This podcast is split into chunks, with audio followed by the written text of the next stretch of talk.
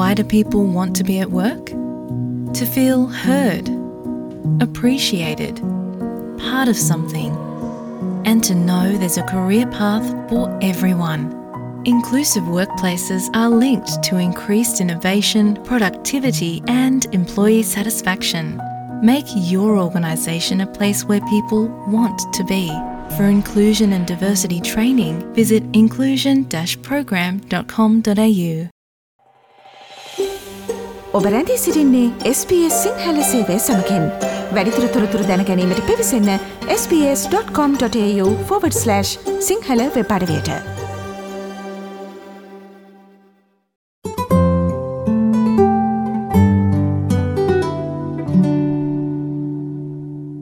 ඊයේ දින අවසාන වන විට ඔස්ට්‍රලයානු මහමැතිවරණය ඉලක්ක කරමින් ප්‍රධාන දේශපාලන පක්ෂ දෙකෙහි මැතිවරණ ප්‍රචාරණ ව්‍යාපාරයේ නවතම තොරතුරු මෙම කාලයන තොරතුරු විශේෂන්ගෙන් ඉදිරිපත් කිරීමට දැන් අපි සූදානම්.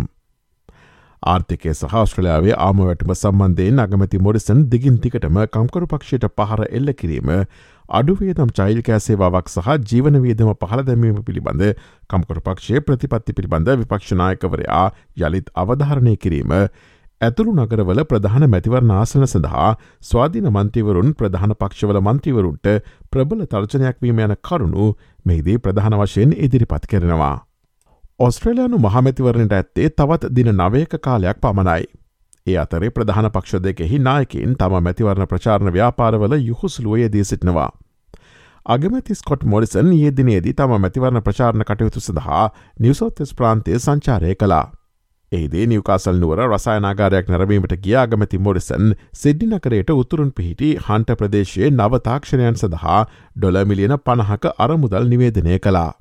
මේ අතර ආම වැටුප ලබන ශ්‍රමිකින් සඳහා සියට පහයිදශම එකක වැටු වැඩවීමක් පිළිබඳ විපක්ෂනායක ඇතනි ඇල්බනිසි කළ ඉල්ලිම සම්බන්ධයෙන්ද අගමති මොරිසන් එහිදී දැඩි විවේචනයට ලක් කලා. Mr Albanese showed yesterday that he is a complete loose unit on this stuff. He just runs off.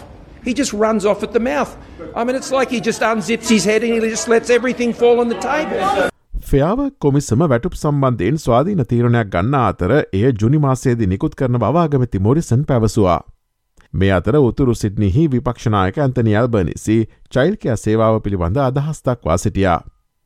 දැරිය හැකි අඩුමිලකට චෛල්කයා සේවාවක් සැපීම කම්කරපක්ෂ මැතිවරණ ව්‍යාපාරයේ ප්‍රධාන පොරොන්දුවලින් එකක් වන අතර ජීවන වියදම අඩු කරන ප්‍රතිපත්ති මාලාවේද එය ප්‍රධාන ප්‍රතිපත්තියක්. අග්‍රාමාතවරයාගේ වාක් ප්‍රහාරය ප්‍රතික්ෂේප කිරීමට විපක්ෂනායක ඇන්තනි ඇල්බනිසි එහිදී පියවරගත්තා. තමා මෙහිදී කතා කරන්නේ ඔස්ට්‍රලයාාවේ අවම වැටුප ලබන ශ්‍රමිකීන් සහ ජීවනවීදම වැඩවීම සමඟ සැබවින්ම අරගලන් කරන පුද්ගලයන් පිළිබඳව බව ඔහු අවධහරණය කලා. Scott Morrison is once again being loose with the truth. What we're talking about here is the uh, lowest paid workers in Australia. Those people who are really struggling with cost of living increases. තවද විපක්ෂනායක ඇතනි ඇල්බනිසේ මෝඩිසන් රජයේ පසුගේ වැඩකටයුතුද විවේචනය කලා. Morrison රජයට ඕනෑම වෙලාවක ක්‍රඩාශේත්‍රය හෝ මගේ රතවාහන නවතා තිබීමේ ස්ථාන සඳහා මුල්ල ප්‍රතිපාදන සොයාගත හැකි නමුත් පෑකට ඩොල එකක වැටු වැඩිකිරීමකට සහයෝගයක් ලබා නොදෙන බව විපක්ෂනායක ඇන්තනි අල්බනීසි පැවසවා. It's okay, his government can always find uh, money for, uh, for sports routes, for commuter car park routes, but backing a $1 an hour pay increase is not okay. යෝජිත සියට පහක වැටුක් වැඩිකිරීම සම්බන්ධයෙන් අගමැතිවරයාගේ විවේචනෙන් පෙනියන්නේ ඔස්ට්‍රනයන්වන්ට වැටුක් වැඩවීමක් ලබා ගැනීමට liberal සඳහන රජයට අවශ්‍ය නොවන ආකාරයක් බව කම්කරු පක්ෂය පවසනවා. නමුත් අගමැති මොරිසන් පවසන්නේ එය එසේ නොවන බවයි. වැටුක් වැඩවීමක් ඉල්ලීමේ කිසිදු වැරද්දක් නැති නමුත් ඔස්ට්‍රලනු මධ්‍යම බැංකුව ඒ පිළිබඳව පැහැදිලුවම කියා ඇති බවද අගමතිවරයා ප්‍රකාශ කලා. There's nothing wrong with asking for a pay rise. There's nothing wrong with that. But obviously, it has, and, and the Reserve Bank governor has said very clearly that's what we are seeing in our economy. And the reason we're seeing that is because unemployment is coming down and businesses are growing and becoming stronger. Now, that's where pay rises come from. මේ අතර නගර අභ්‍යන්තරේ ආසන කිහිපයක කලයිමෙට් 200 කණ්ඩෑමේ සහ ඇතිව විශේෂෙන්ම ස්වාධීන මන්තීවරුන් සමඟ අගමති මොරසන් full පීඩනයකට ලක්ව සිටනවා. මෙල්බන්හි කූයෝන් සහ ගෝල්ස්ටේන් හෝ සිඩ්නිහි වෙන්වර්ත් සහ නෝත් සිද්නි වැනි ප්‍රදේශවලට නොපැමිණීම නිසා ඔහුට අභියෝගයක් එල්ල වී තිබෙනවා. එම අභියෝගය තවත් විශාලවමින් පවතිනවා.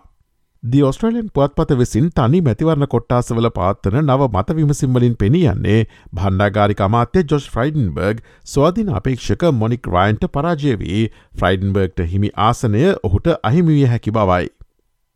ස්වාධීන මන්තීවරුන් තෝරාපත් කර ගැනීම අවුල් සහගත වනු ඇතැයි ලිබරල් සඳහන රජය පවසන අතර නැශනස් පක්ෂනායක බානවී ජොයිස්ද එම අදහස නැවත අවධහරණය කලා. යායුතු මාර්ගය ස්වාධින මන්තිවරුන්ගෙන් සමන්විත යුතු නම් ඒ අය එකසිය පනස් එක් දෙනෙකුගෙන් යුත් පහළ මන්ත්‍රණ සභාවක් ලැබෙනු ඇතයිද බානබේ චොයිස් ප්‍රකාශ කලා. If independence are the way to go, we'll have a nation of 151 of them. It, we will be an international laughing stock. Government will be a total farce. Nothing will happen. And uh, those who wish to do us harm will be laughing all the way to the battleships. මේ වසර මුලදී liberal සඳහන් රජයේම පසුපෙළ මන්තීවරුන් ආණ්ඩුවේ රෙලිජස් ඩිස්ක්‍රමිනේෂන් පනතට සහය නොදැක්වූ විට සහ Covid එන්නත් ලබාදීමේ විධහන සම්බන්ධයෙන් චන්දය වර්ජනය කළ විට එවැනිම අවුල් සහගතත්වයක් දැන්නු බවට කළ ප්‍රකාශ නියෝජාග්‍රාමාත්‍යවරයා ප්‍රතික්ෂේප කලා. බහුතරයක් නැති පාලිමේන්තුවක් ඇති වූ හොත් ස්වාධීන මන්ත්‍රවරුන් සමඟ සාකච්ඡා නොකරන බව දෙපාර්ශවයම අදහස වී තිබෙනවා. නමුත් මතවිමසිම්වලින් පෙන්නුම් කරන්නේ ස්වාධීන මන්ත්‍රවරුන් කිහිප දෙනෙකුම ජයග්‍රහහි ස්ථානයක සිටින බැවින් බහුතරය සම්බන්ධයෙන් ඔවුන් සමඟ සාකච්ඡා කිරීමට සිදුවනු ඇති බවයි. ඔස්ට්‍රලයා වේලමෙන මහමතිවරණය සම්බන්ධ අලුත්මතොරතුරු SBS සිංහල සේවේ විසින් දෛනිකව ගෙනන කාරණ තොරතුරු විශේෂාන්ගෙන් සජීවීව අපි ඔබ වෙතගෙනෙනවා. මේ සඳහා පසුව සවන් දෙන්න sbs.com.tu4/ සිංහල යන අපගේ වෙබඩවියේ ඉහළ තීරුවේ ඇති මාතෘකයන කොටස කලික් කොට කාලින ලෙස නම් කොට ඇති වෙබ් පිටුවට පිවිසන්න. SBS SBS SBS SBS SBS SBS Radio මේ වගේ තවත්තොරතුරු දැනගන්න කැමතිද. එහමනම් Apple podcast Google podcast Spotify ඔබගේ පොඩ්කාස්ට ලබාගන්න ඕනෑම මාතයකින් අපට සවන්දය හැකේ.